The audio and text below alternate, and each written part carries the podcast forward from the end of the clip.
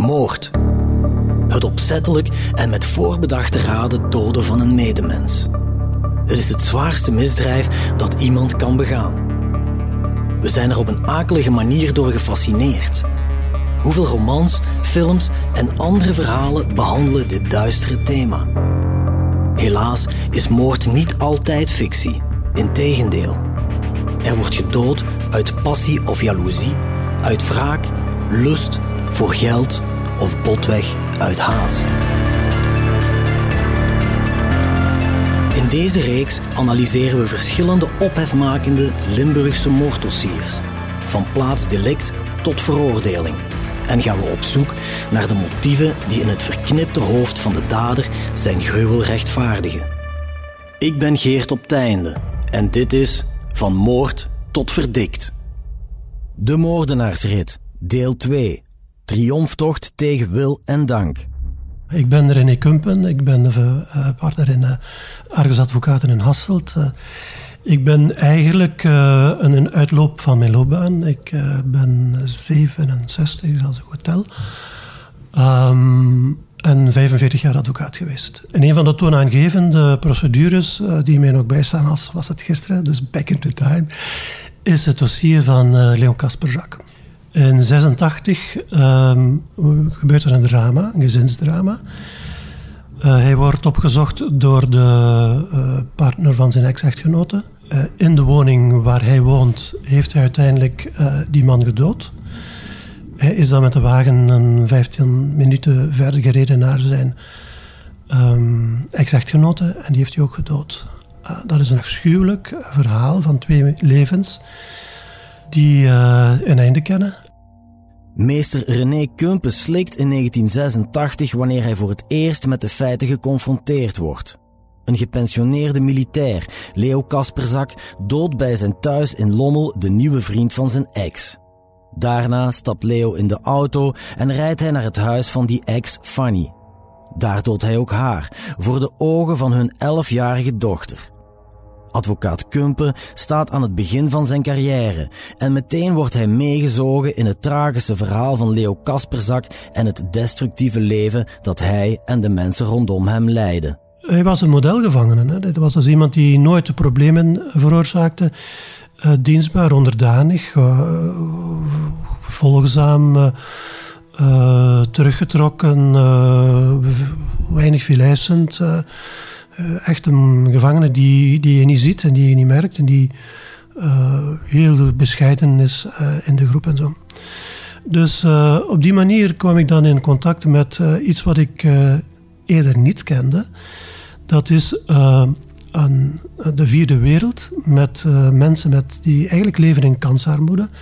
In zeer moeilijke financiële omstandigheden, moeilijke emotionele omstandigheden, moreel eh, niet uh, open relaties, dat was een, niet, een, niet hun, wereld. En tot mijn ja, verbazing, maar ook tot, tot mijn, ja, tot, dat was iets nieuws voor mij. de wereld van potentieel destructieve relaties. Dus relaties die dermate manipulatief en, en negatief worden ingekleurd dat zij niet alleen een dynamiek vertonen, maar ook een dynamiet vertonen. Een destructieve relatie vol dynamiek en dynamiet. Voor advocaat René Kumpen wordt het de leidraad in het assiseproces van Leo Kasperzak. Omdat het Kumpens eerste assisezaak is, bereidt hij zich minutieus voor. De weg die ik doorlopen heb om de strategie van de verdediging te plannen, is eigenlijk een, een heel bijzonder verhaal. Want uh, voor mij was dat de eerste assiseprocedure en dan nog een, van een dergelijke omvang dat ik uh, zocht naar uh, collega's die me konden inspireren. Toen had Jeffer Massenal de naam om een goede assisepleiter te zijn. En hij is ook een zeer goede redenaar. Is, ik denk dat zijn talent vooral in, in, in het redenaar zijn ligt. En ik, ik dacht, ik moet die man eens ervaren.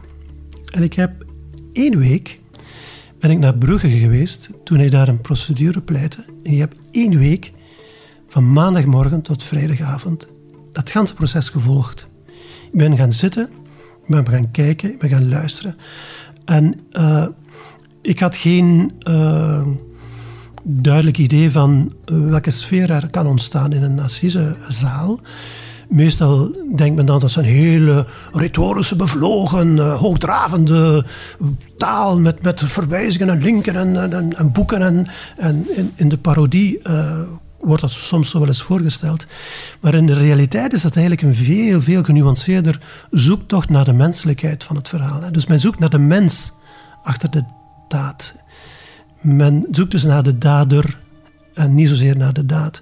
En ik moet zeggen dat mij dat ook op een hele positieve manier een impuls gegeven heeft om te, te zoeken van oké, als je dan het profiel van een dader wil schetsen in die relatie, waar kom je dan uit? En uh, kom je dan uit op uh, de mogelijkheid dat artikel 71, wat, dat, wat artikel 71 u toelaat? Artikel 71 is de heilige graal binnen het strafrecht. Moorden uit een onweerstaanbare drang. Is het dat wat Leo Kasperzak heeft gedaan? Meester Kumpens doel, de vrijspraak pleiten en hopen dat de jury in het verhaal meegaat. Ja, het uh, befaamde artikel 71 waar het zoveel uh, discussie over bestaat. Artikel 71 gaat eigenlijk uit van een vrijhandelende persoon die verantwoordelijk is en die strafrechtelijke gevolgen moet ondergaan voor zijn, voor zijn daden. Artikel 71 zegt dat men strafrechtelijk niet meer verantwoordelijk is, wellicht moreel wel, in dit geval heel zeker moreel, maar strafrechtelijk niet wanneer men gedwongen wordt door een drang die men niet kan weerstaan. De woorden zijn heel erg oud, burgerlijk, bijna 19e eeuw, een drang waaraan men niet kan weerstaan. Wat is dat? In mijn geval was dat een, eh, een situatie van een angstneurotische man die zich bevindt in een destructieve relatie waarbij hij uh, geen weerstand meer kan bieden, zoals iedere persoon normaliter weerstand zou moeten bieden aan uh, onrechtmatige eisen of aanspraken. Dus zonder die feiten allemaal willen te benoemen, is het denk ik de taak van de advocaat om dan een, een, een schilderij te maken van nuances en van verhalen en van details die aan de jury uh, tonen dat uh, men zich in de schoenen moet plaatsen van een andere persoon. Dat is een hele moeilijke denkoefening. En dat op een bepaald ogenblik de, de draaglast wegvalt. En dat men dingen doet die moreel verwerpelijk zijn, maar waarvan het strafrecht de mogelijkheid heeft geboden om vanuit uh, misschien empathie uh, te oordelen dat um, een strafrechtelijke verantwoordelijkheid wegvalt. Twee jaar lang bereidt René Kumpen zich voor op de zaak Kasperzak. Na ontelbare uren bestuderen van dader, slachtoffers en feiten heeft de advocaat zijn verdediging klaar. Maar hij brengt zijn cliënt Leo pas in extremis op de hoogte van zijn plannen. Ik heb eigenlijk dat nooit gezegd tegen uh, Leo Kasperzak, tenzij de avond voor de, voor de zitting. Toen heb ik hem gezegd, uh, uh, ja, hij vroeg aan mij, ja, en meester, wat denk je? Levenslang of twintig jaar? Ja, dat weet ik niet, maar ik weet dat ik voor mezelf de plicht heb opgelegd om voor u de vrijspraak, vrijspraak te pleiten. Oh, dat kan niet, dat kan niet. En ja, dat is ook onmogelijk als je dat bevat in zijn feiten, in zijn, in zijn, in zijn duur dan nog. Hè. Dus een angstneurotische man die, waarvan de angst wordt omgezet in handelen, ja, begin dat maar eens uit te leggen. In januari 1988 start in Tongeren het proces van Leo Kasperzak.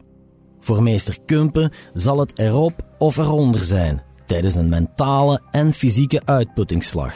Ik ben dus kilo's vermagerd. Ik leefde op koffie en soep. Uh, fysisch en psychisch was dat uh, de inspanning die mij het meest heeft uh, gekost aan inspanningen. Dus uitgeput op wel dat je helemaal helemaal een beetje, ja, toch op een of andere wijze loskomt van de werkelijkheid. Je bent zo bezig met die zaak. Want op een bepaald ogenblik eh, was ik zo in spanningsveld met de voorzitter dat ik dacht dat hij mij wou echt onderbreken. Waarom zeg ik dat? Hij heeft mij twee uur laten pleiten en ik had, was echt niet uitgepleit.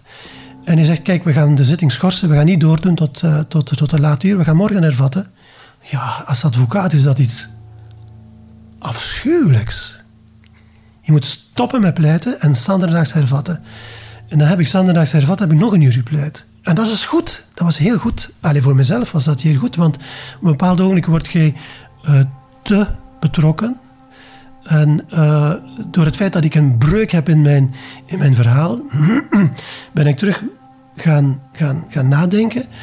En een collega van mij is dan ook bij mij gekomen. En die zei, moet tot rust komen. En uh, wat ik wil zeggen, is er iets overgekomen. Probeer tot rust te komen. Dat heb ik ook bewust gedaan de dag daarop. En uh, dat is goed. dan kan je terug vanuit een... een want die legt ook even spanning op die jury. Hè. In de zin van, er gaat aan u iets gevraagd worden wat een heel moeilijke beslissing is. Geen moeilijke, maar zelfs een verpletterende verantwoordelijkheid. De jury in Tongeren moet beslissen over de schuld of onschuld van de man die twee jaar geleden zijn ex-vrouw Fanny en haar nieuwe partner Jos doodschoot. Een jury die uh, een heel ondankbare taak heeft, hè. die komt dan plots in een, in een wereld van, van openbaarheid en van, van uh, ja, media-aandacht. Dat is, uh, ik weet niet hoe dat nu is, maar toen was dat. Uh, goh, men komt binnen, men wordt opgevoerd zoals, zoals men in een arena treedt. Hè. Dus met flits, flits, flits en de camera's langs alle kanten, de dader, de advocaat, de jury, iedereen geflitst. En ja, dat is zo een, een, een tegengestelde van de celsituatie waarin men geïsoleerd is en waar men angstig afwacht. En dan zeg maar, wat is dit allemaal? Dus voor die, voor die persoon die daar uh, binnenstapt, is dit een onnodig spanningsveld dat zo uitvergroot, niet zo uitvergroot hoeft te worden. De, de voorwaarde van nummer één bij een jury is, is die man, die de woordvoerder is van iemand anders, authentiek? Is hij eerlijk? Gelooft hij wat hij zegt? Of, uh, of verbloemt hij de waarheid? Maskeert hij de waarheid? Uh, doet hij alsof? Na een marathonpleidooi van Kumpen wordt het proces stilgelegd in afwachting van het verdict. De twaalf juryleden trekken zich terug om zich te beraden of Leo Kasperzak schuldig is aan de dubbele moord of niet. In dit geval is dat een beraadslaging van een uur geweest. Dan kwam men terug. Men komt terug uh, in afwezigheid van de dader. De uh, dader uh, is afwezig omdat men geen emotionele reacties wil toelaten. En dus er komt de vraag, vraag 1 nee, vraag 2 nee, vraag 3 nee, vraag 4 nee. was dus een vrijspraak over alle lijnen. Ja, als advocaat is dat zo, zo stressvol. Uh, dat is de meest stressvolle situatie, zowel fysisch als psychisch, die je, die kunt ondergaan als advocaat. En dan wordt uh, die man toegelaten en dan herhaalt de voorzitter van de jury die vraag.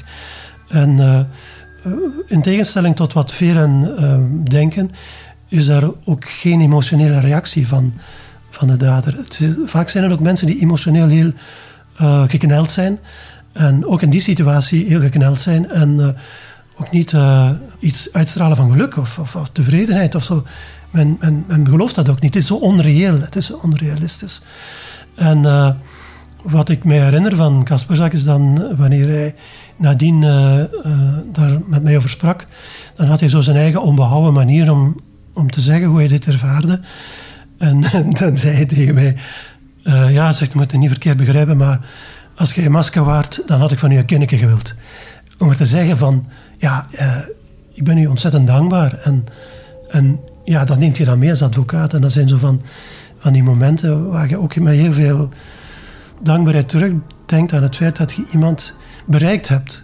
En dat jij uh, getoond hebt dat die man niet hoorde te sterven in de gevangenis op zijn zestigste. En om dan twintig jaar veroordeeld te krijgen. Leo's dochter Christy, die getuige was van de moord op haar moeder Fanny door haar bloedeigen vader, is tijdens het proces 13 jaar. Zij verblijft op dat moment bij haar pleeggezin en woont het proces niet bij.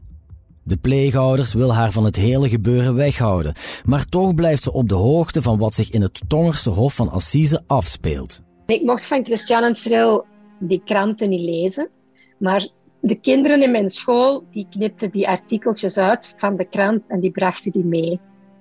dus ik heb die artikels wel allemaal gezien. En één foto herinner ik me nog heel goed. Daar hadden ze een foto gemaakt van hem tussen die twee gerechtspolitieagenten. En hij had die blik op zijn gezicht van compleet walgelijkheid. Van, ugh, wat een travestie hier. Die foto, dat was, dat was heel chockerend. En dan heb ik die artikelen altijd wel gelezen. En dan heeft Cyril s'morgens in mijn kamer gekomen en hij zei, uw vader is vrijgelaten. En ik, ik vond het een schok. Ik zeg, hoezo vrijgelaten? En hij zei, vrijgesproken. Ik kon dat niet geloven. Ze hebben toen iets, iets aangedaan van on, ik, onweerstaanbare drang of zoiets. En ik dacht, amai, als ik aan elke onweerstaanbare drang doorgaf, dan was ik nu zo breed als een olifant. Ik snapte dat niet. Want ik heb het hem zien doen. Wat in vele hoofden ondenkbaar was, wordt toch werkelijkheid. Leo Kasperzak, een man die een dubbele moord op zijn geweten heeft en die ook bekende, wordt vrijgesproken door de Tongerse assisejury. Volgens het vonnis handelde de man uit onweerstaanbare drang. De uitspraak stuit op veel onbegrip, niet in het minst bij zijn dochter Christy. Ik wou niet dat ze hem slecht behandelde, maar volgens mij gevangenis. Je hebt twee mensen doodgeschoten, dan behoort je in de gevangenis. En ik vond dat heel, heel, heel onterecht. En Christiane Cyril vertelde mij toen wel dat met de, met de eindpleiting, die heeft toen um, gezegd ja, en haar moeder is van haar weggenomen. Um, niet hij heeft haar moeder weggenomen, maar haar moeder is van haar weggenomen. Neem nu ook haar vader niet weg. Het appeltje van zijn oog. En de jury had zeven vrouwen en vijf mannen. En dat waren allemaal heel, ja, ik zei dat niet graag, maar gewone mensen, kapsters en zo van die dingen. En hij is toen vrijgesproken, ik denk met zeven, vijf. Ik denk dat alle vrouwen um, voor, voor die zeven gevallen zijn, het arme kindje, en ze heeft haar vader nodig.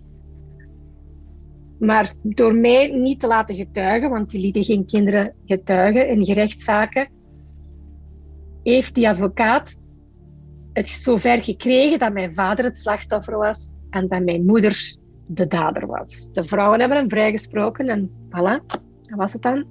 Ze hebben op, de, op het gevoel gespeeld. En dat waren allemaal moeders. En hoe kun je nu geen compassie hebben met zo'n klein, dun, mager, elfjarig meisje met haar been in het gips? Ik weet dat er een foto ergens stond van mij dat ik buiten kwam met mijn voet in het gips nadat het juist gebeurd was. Als je dat ziet, dan kun je alleen maar denken, oh arm kind, ik neem uw papa niet af. Christy vindt vooral de karakterschets van haar moeder, voor wie niemand als burgerlijke partij optreedt, niet eerlijk. Bovendien ziet zij wel degelijk redenen om aan te nemen dat haar vader met voorbedachtheid handelde. Je gaat geen geweer kopen een maand of twee weken ervoor. Onweerstaanbare drang is, je duwt die achteruit en die valt met zijn kop op de tafel en die gaat dood. Dat is onweerstaanbare drang. Maar deze was dat niet. Die tweede moord had niet moeten gebeuren. Hij is speciaal tegen 40 per uur van Lommel naar Stalkoersel gereden, om toch maar niet gestopt te worden door de politie. Hm. Onweerstaanbare drang? Nee, hè? Mijn moeder heeft nooit verdediging gehad. Dat was een, een imbeciele hoer die haar kind niet opvoedde. En dat was waar. Maar ze hebben haar proces gemaakt en niet dat van hem. Hij heeft die ultieme daad gepleegd en hij is er nog mee weggeraakt ook. En ik ben het beu dat iedereen altijd over mijn moeder ligt te kakelen, terwijl eigenlijk het wel mijn vader zijn proces was. Mijn moeder had daar geen advocaten die voor haar zijn opgestaan, die gezegd hebben: ja, dat heeft ze wel gedaan, maar ze heeft ook dit en dit en dit gedaan, wat dat voor mij goed was. Zo dus ben ik streng voor hem in, in een opzicht wel, omdat ik kan zien dat het gerecht niet geschiet is zoals het had gemoeten, gemoeten. Maar het is en blijft wel mijn vader. Advocaat Kumpe kan de redenering van dochter Christy begrijpen wanneer ze zegt dat haar moeder Fanny geen eerlijke kans heeft gehad. Maar tegelijkertijd plaatst hij er ook vraagtekens bij. Is daar onredelijk, onredelijk weinig aandacht besteed aan de positieve aspecten van het leven van de moeder? Dat zou kunnen. Dat zou kunnen. Uh, alleen uh, uh, zijn er getuigen die door de procureur zijn opgeroepen, die eigenlijk een aantal posities moesten herstellen en in evenwicht brengen ten voordeel van het slachtoffer, die helemaal negatief zijn uitgevallen en die eigenlijk een heel negatief moreel portret uh, tekende van de moeder. Daar kan het kind niet over oordelen. Ieder kind heeft recht op zijn emotie, ook alle positieve gevoelens van het kind naar de moeder toe. Dus daar wil ik ook geen aanslag op leggen. Hè. Hoewel René Kumpen de vrijspraak pleitte op basis van onweerstaanbare drang, houdt de advocaat zelf niet de beste gevoelens over aan het gebruik van een wetsartikel zoals nummer 71 in de rechtspraak. Moest hij uh, vrijgesproken worden? Um, liever niet. Uh, het waren beter geweest wanneer hij een veroordeling had gekregen tot de voorhechtenis die hij had ondergaan. En uh, dat zou ook veel aanvaardbaarder, veel meer aanvaard worden door de, door de jury. Alleen door de fasering van justitie en van het proces krijgt men als advocaat niet altijd die, die, die mogelijkheid. Men kan niet zeggen van in de eerste fase ik zou geliefd hebben dat hij veroordeeld wordt tot een gevangenisstraf van twee jaar. En uh, mits dit het compromis is, kan ik daarmee leven. Dat kan je niet pleiten. Je gaat voor artikel 71. Nee, uh, er is geen strafrechtelijke aansprakelijkheid. Uh, er is morele verantwoordelijkheid, oké, maar geen strafrechtelijke. Leo Kasperzak is een vrij man. De gemoederen lopen hoog op wanneer hij het Assisehof van Tongeren verlaat. Er weerklinkt rumoer binnen en buiten het gerechtsgebouw. Hoe ben je zelf de rechtszaal uitgestapt? Dat is een hele moeilijke. In eerste instantie wij hadden nogal wat contact met de journalisten. En uh, de journalisten die voelden dat er een hele grote spanning ontstond. En die wisten dat ik de vrijspraak aan het pleiten was. En die, de, die, ze had zijn collega opgebeld. Die zat zijn fotograaf opgezet. Die zei, kom eens langs, want het zou kunnen dat hier een vrijspraak komt. En uh, uh, natuurlijk, in de zittingszaal zelf na de vrijspraak mag men geen foto's nemen om precies die emoties onder druk te houden. Je verlaat de assisezaal maar natuurlijk met een heel verlicht gevoel, dat is evident. En uh, er is uh, heel veel uh, emotie in zo'n zaal van mensen die spanning zoeken. Dat is ook heel bizar. Um, er was bijvoorbeeld een jong meisje die, ik mag dat zo zeggen, minder begaafd was en die misschien verslaafd was aan spanning. En sommige mensen zijn dat en, en zoeken dat op. En die uh, sympathiseren dan voor de een of de andere partij. En die had een cadeautje gekocht voor Kasperzak, omdat hij de week daarop verjaarde.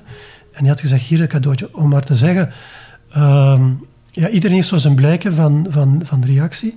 En we zijn aan de overkant van de café uh, gegaan en ja, hij wandelde gewoon de zittingszaal uit. Dat is onre onrealistisch, hè. Dus uh, je bent geboeid door twee, twee rijkswachters, heette dat toen en dan, ja, wat zei de vrij man? En dan stap je naar buiten, je gaat daar naartoe. Die vrienden komen daar samen, die dochter uit het eerste gezin komt daar samen.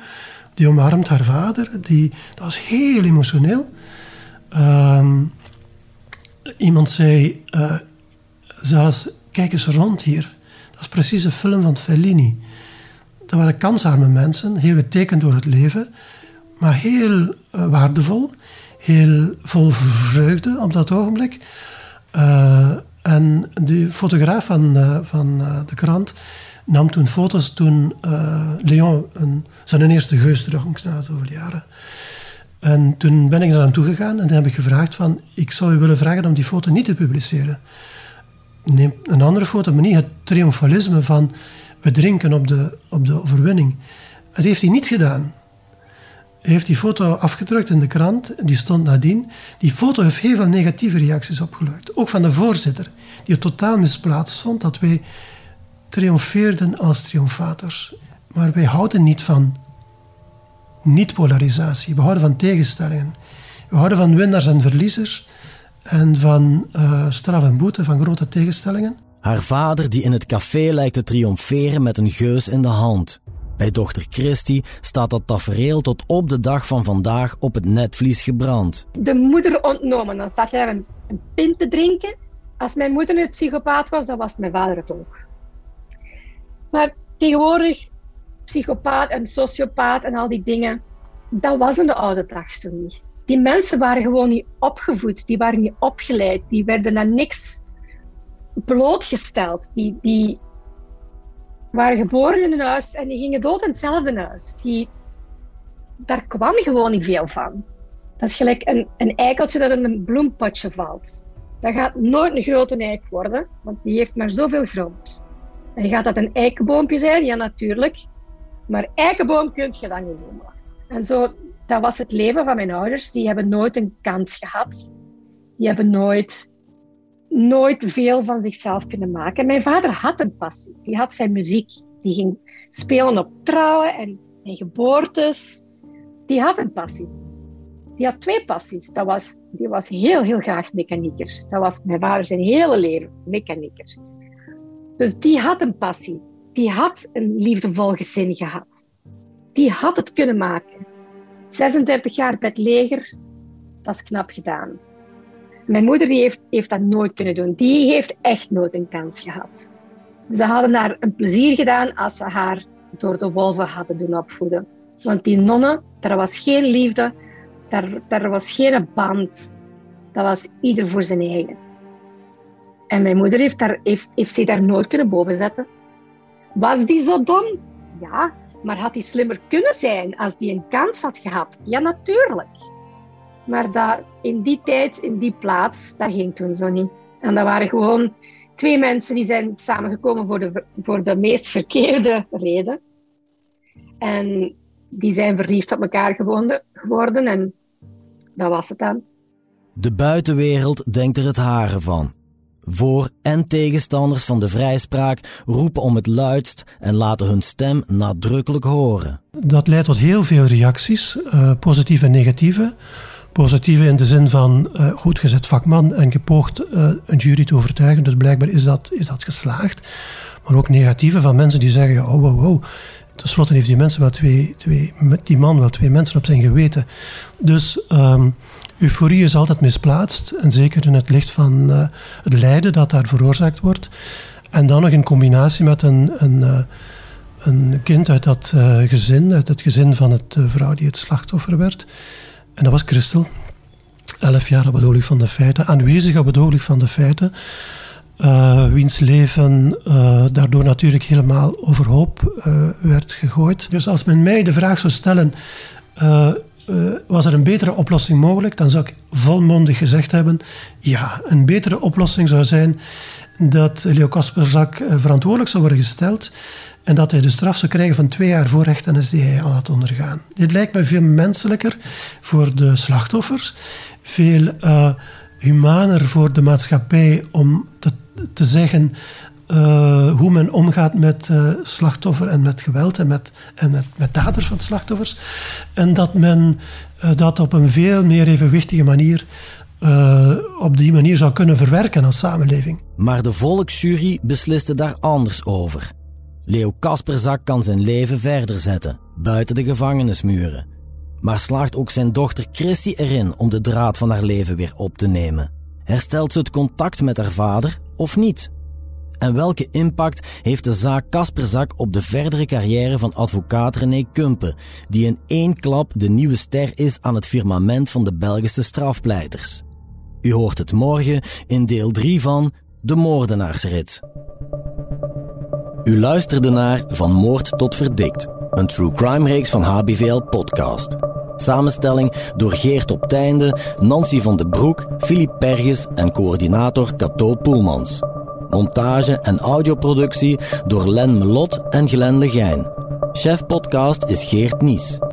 Zit je met vragen over zelfdoding? Dan kan je terecht bij de zelfmoordlijn op het gratis nummer 1813 en op www.zelfmoord1813.be. Reageren? Dat kan via podcast@hetbelangvanlimburg.be. Ben je benieuwd naar meer nieuws en verhalen? Surf naar hbvl.be/voordelig en ontdek onze voordelige leesformules.